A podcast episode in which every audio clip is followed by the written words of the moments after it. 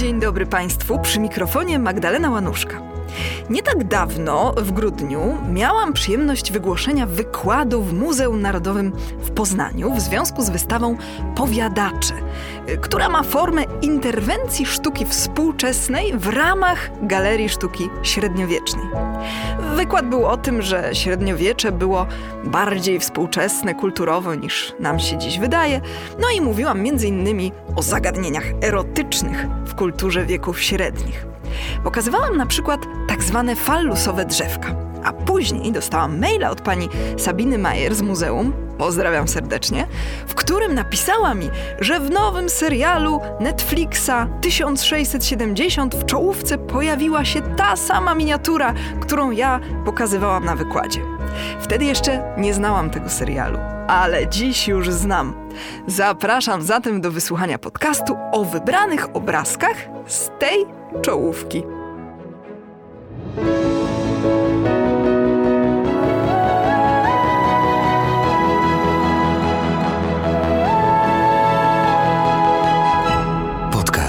Tygodnika Powszechnego. Weź, słuchaj. Dziś w cyklu Sztuka Powszechnie Nieznana opowiem Państwu o wybranych ilustracjach z czołówki serialu 1670. Zacznę może od tego. Uważam, że ten serial jest rewelacyjny. Fenomenalnie pokazuje Polskę i polskie społeczeństwo. Ja wiem, że to ma być satyra w historycznym kostiumie. No, to nie jest żadna satyra, to jest sama bolesna prawda. Tak, jak mając doświadczenia z remontami w Czechach, już wiem, że bajka sąsiedzi to nie żadna bajka, to serial dokumentalny. No ale wracając do 1670.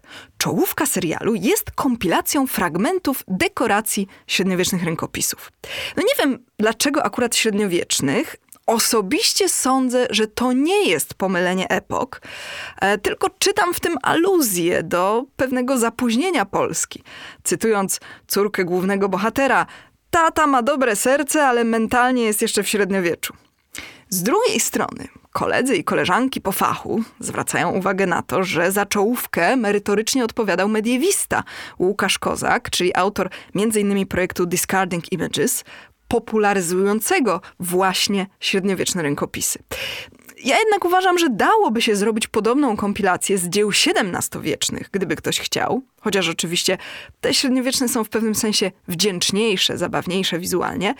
Myślę jednak, że dobór tych ostatecznych ilustracji to nie był przypadek. Wspomniałam kolegów i koleżanki, historyków sztuki, a to dlatego, że w facebookowej grupie De Arte już zostały zebrane poszczególne ilustracje z czołówki serialu, co zrobiła dr Kinga Blaszkę. Pozdrawiam serdecznie. Ja jednak dziś w ramach podcastu postanowiłam zatrzymać się przy wybranych rękopisach i wyjaśnić Państwu, o co dokładnie chodzi w tych kilku, no moim zdaniem, najciekawszych miniaturach. Ja większość z nich znam stąd, że pokazuję je na różnych moich wykładach. A zatem, po pierwsze, jako że ważnym wątkiem serialu jest praca chłopów pańszczyźnianych, pojawia się przedstawienie pracy w polu z dekoracji marginalnej tak zwanego psauterza latrela. Jest to rękopis przechowywany dziś w British Library w Londynie, wykonany między latami 1320 a 1340 dla angielskiego arystokraty Sir Geoffreya Latrella. Psałterz to biblijna księga psalmów, w tym przypadku tworząca główną część modlitewnika. Rękopis zawiera ponad 300 iluminowanych kart i na ich marginesach znalazło się prawdziwe bogactwo najrozmaitszych przedstawień. Są wśród nich sceny z życia Chrystusa albo z legend świętych, ale ogólnie większość tych przedstawień nie jest religijna. Mamy tam mnóstwo bardzo fantazyjnych hybryd, czyli fantastycznych stworzeń będących połączeniem różnych zwierząt albo zwierzęcia i człowieka. No szczerze mówiąc, ta część dekoracji tego rękopisu zawsze daje mi do myślenia, co tam artysta ewentualnie zażywał lub palił, bo zaprawdę, powiadam Państwu, dziwne rzeczy się tam dzieją. Ale to temat na osobny podcast. Natomiast oprócz tego w psałterzu Latrela znajduje się całkiem sporo bardzo interesujących przedstawień rodzajowych. Chłopi i chłopki pracujący w polu. Orki, siewy, żniwa, zwożenie zbóż do młyna, strzyżenie owiec, karmienie drobiu, plewienie, przędzenie itd. Tak to naprawdę fenomenalny zestaw przedstawień życia codziennego, niższych warstw społecznych w pierwszej połowie XIV wieku, razem z dość wiernym odwzorowaniem ówczesnych narzędzi oraz strojów, z detalami takimi jak paski, rękawice, różne typy nakryć głowy. Psał też Latrella jest niewątpliwie jednym z najlepszych źródeł dla historycznych rekonstruktorów.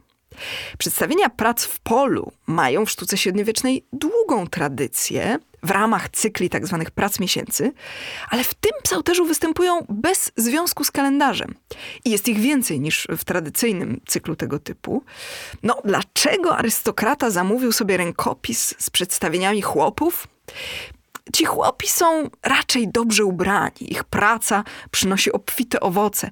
Może to jest ilustracja ogólnego dobrobytu we włościach pana Latrella. W każdym razie niewątpliwie pasuje do postawy, jaką wobec swoich chłopów prezentuje serialowy Jan Paweł Adamczewski. Tymczasem wspomniana przeze mnie na początku tego podcastu miniatura z fallusowym drzewkiem to właściwie dekoracja marginesu z rękopisu powieści o róży. Sam motyw występował w bardzo różnych dziełach na przestrzeni co najmniej kilkuset lat. Mamy między innymi takie przykłady jak malowidło ścienne z XIII wieku w Toskanii, ów rękopis, który powstał w Paryżu w wieku XIV, drewnianą skrzyneczkę z południowych Niemiec z wieku XV, a także przekazy źródłowe, na przykład zapis, że w niemieckim Nordlingen fallusowe drzewko było elementem procesji karnawałowych w roku 1510. No z tym drzewkiem chodzi po prostu o to, że no, jest drzewo, które owocuje, a owocami są wolno rosnące męskie genitalia, a dokładnie penisy wraz z jądrami. Najczęściej przedstawiano pod tym drzewkiem kobiety, które zbierają owe owoce, a nawet biją się o nie. Badacze od lat spierają się o co w tym chodzi. Przywołują symbolikę płodności albo odniesienia do czarów. No moim zdaniem to nie ten trop. Ja jestem przekonana, że te przedstawienia wpisują się w ludowe opowieści o nienasyconych kobiecych apetytach seksualnych, co przewija się e, w świeckiej literaturze wieków średnich. W jednej z nowel Decameronu Boccaccia pojawia się takie przysłowie. Jeden kogut na dziesięć kur starczy, ale dziesięciu mężów zaledwie jedną białogłowę ukontentować może. Jeśli zaś chodzi o przedstawienie wykorzystane w czołówce serialu 1670, no to prawdopodobnie namalowała je właśnie kobieta. To jest wyjątkowe fallusowe drzewko, bo w przeciwieństwie do innych wersji, tutaj penisy zbierają sobie zakonnice. Nawiasem mówiąc, to przysłowie, które przed chwilą przywołałam, mm, jest z opowiadania Boccaccia, które mówi właśnie o zakonnicach. Pewien młodzieniec najął się mianowicie do żeńskiego klasztoru, udając niemowę, licząc na to, że uwiedzie jakąś mniszkę. No ale nie zakładał, że jak się zakonnice zorientują, że on się nie może wygadać, to tak się na niego rzucą, że biedaka prawie wykończą. Ostatecznie ów młodzieniec z Dekameronu postanowił się ratować w ten sposób, że odegrał rzekome cudowne ozdrowienie, odzyskanie mowy. No, w końcu znajdował się w miejscu świętym. No ale nasza miniatura nie pochodzi z Dekameronu, tylko, jak mówiłam, z powieści o róży, czyli poematu o miłości, też zawierającego pikantne motywy, na przykład rady dla młodych dam, jak uwieść kochanka, oraz że czasami trzeba udawać orgazm, jak już wiadomo, że nic z tego nie będzie. No ale jednak motywu zakonnic i fallusowego drzewka nie znajdziemy w powieści o róży, a zatem to ilustracja nie mająca bezpośredniego związku z tekstem. Ten rękopis powieści o róży powstał w połowie lat 50. XIV wieku w paryskim warsztacie, który założył Ricard de Montbaston i prowadził go wraz ze swoją żoną Jeanne. Po śmierci męża w 1353 roku Jeanne przejęła całość warsztatu i to właśnie wtedy zapewne zrealizowała ten rękopis. Bo, proszę Państwa, w średniowieczu kobiety też bywały malarkami i wiadomo o niewiastach, które specjalizowały się w dekorowaniu rękopisów. Sztuka powszechnie nieznana. Opowiada Magdalena Łanuszka. Miniatur i fragmentów dekoracji marginalnych jest sporo w czołówce serialu 1670. Ja tutaj wspomnę jeszcze o kilku mniej znanych, bo pochodzących ze specyficznych rękopisów. W dodatku niektóre pojawiają się tylko w czołówce konkretnego, jednego odcinka. Przed odcinkiem o polowaniu mamy na przykład przedstawienie kopulujących dzików. To fragment z miniatury rękopisu tzw. Tak Księgi Łowów, czyli Livre de Chasse. To starofrancuski traktat łowiecki autorstwa Gastona III Febusa, hrabiego Foix. Tak jest, proszę Państwa, arystokraci też bywali pisarzami. Gaston żył w XIV wieku, a rękopis, z którego pochodzą kopulujące dziki, powstał w Paryżu w początkach wieku XV. Jest przechowywany dzisiaj w The Morgan Library and Museum w Nowym Jorku. Traktat opisuje różne metody polowań i narzędzia myśliwskie, a także zawiera charakterystykę zwierzyny łownej, w tym oczywiście dzików. No i mamy ilustracje dzików, między innymi kopulujących. Dzik bowiem to zwierzę nieczyste, przeciwieństwo jelenia, który symbolizował cnotę. Wedle tego traktatu sezon polowań na dzika przypadał od połowy lub od końca września do końca listopada. Lubieżność dzika przewijała się także w literaturze pięknej. Tristan, kochanek Izoldy, miał mieć dzika w herbie. Ale też powiedzmy sobie szczerze, dziki nie są w naturze zbyt wstydliwe. Pamiętam, jak kilka lat temu w mediach społecznościowych krążyło zdjęcie pary dzików kopulujących w biały dzień między blokami na jednej z ulic krakowskiej dzielnicy Podgórze. Więc ta miniatura może po prostu być zwyczajnie realistycznym przedstawieniem normalnego zachowania dzików. Kolejne bardzo interesujące, a mało znane rękopisy to średniowieczne traktaty medyczne. Bardzo popularne były nie tylko teksty, które dziś nazwalibyśmy naukowymi, ale także poradniki domowe, jak żyć w zdrowiu na co dzień. Średniowieczna medycyna, podążając za tekstami antycznymi, uznawała tak zwaną teorię humoralną, czyli założenie, że są cztery płyny w organizmie ludzkim, czyli humory, a przewaga któregoś z nich sprawia, że człowiek ma określony temperament, a co za tym idzie, skłonność do pewnych chorób. Temperament choleryczny miał wynikać z przewagi żółci, temperament sangwiniczny z przewagi krwi, Temperament flegmatyczny, jak sama nazwa wskazuje, z przewagi flegmy, zaś melancholiczny z przewagi nieco enigmatycznej czarnej żółci. To właśnie owych czterech temperamentów dotyczy no, bardzo dziwna miniatura, która też pojawia się w czołówce serialu w odcinku o niedoszłych zaręczynach młodego dziedzica Stanisława z Miastową. Rzeczona miniatura ukazuje dwie nagie postacie, z których jedna oddaje mocz oraz kał i wymiotuje, a druga ma porozcinany tors i otwartą głowę, a w dłoni trzyma wyrwane z piersi serce. No, wygląda to makabrycznie, a po prostu jest ilustracją tekstu, który mówi, że te cztery płyny kształtujące cztery temperamenty powiązane są z konkretnymi organami w ciele.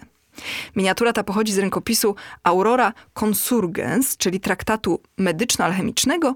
No zresztą ten rękopis to zbiór kilku takich traktatów. Pochodzi on z XV wieku, z St. Gallen. Dziś jest przechowywany w Zentralbibliotek w Curychu. Przeczytamy w nim, że właściwości organów, z których wywodzą się humory, odpowiadają czterem żywiołom. Mózg jest zimny niczym woda, serce gorące jak ogień, wątroba wilgotna niczym powietrze, a jądra suche jak ziemia. Z mózgiem zatem wiązana jest flegma, jakkolwiek bez sensu by się to wydawało. Z sercem oczywiście wiąże się krew, z wątroby pochodzi żółć, podczas gdy czarna żółć ma źródło w genitaliach, czy też szerzej w organach wydalniczych. No i stąd ta wstrząsająca ilustracja. Postać z wyrwanym sercem, otwartą czaszką, wyciętą wątrobą, a druga postać wydalająca wszystkimi możliwymi drogami, górą i dołem, to po prostu przedstawienie źródeł czterech humorów w ciele.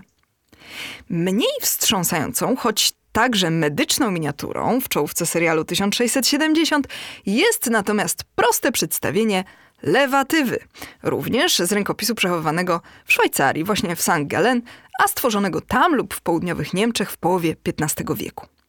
To z kolei typowy poradnik domowy. Opisuje znaki zodiaku, planety, cztery temperamenty.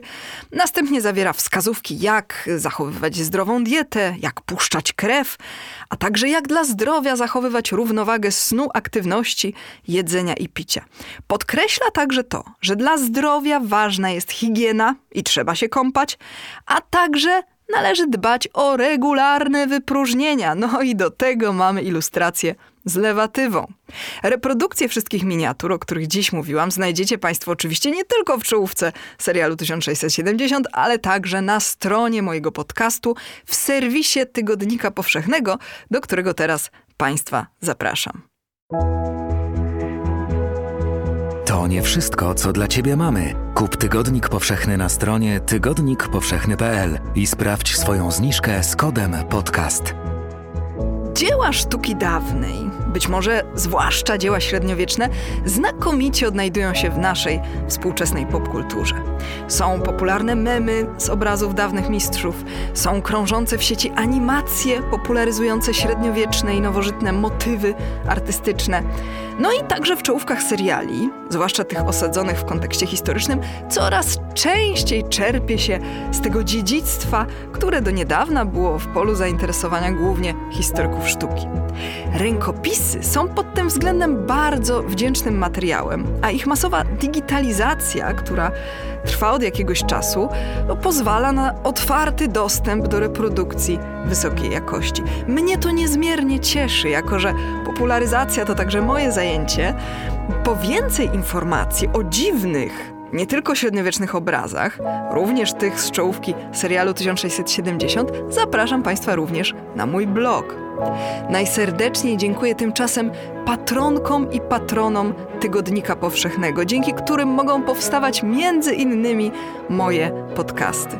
Pozdrawiam serdecznie i do usłyszenia w przyszłym miesiącu. Magdalena Łanuszka. Teraz zapraszamy na www.tygodnikpowszechny.pl, gdzie znajdziesz więcej materiałów pisma niezależnego dzięki swoim czytelniczkom i czytelnikom. Weź, czytaj i rośnij z nami.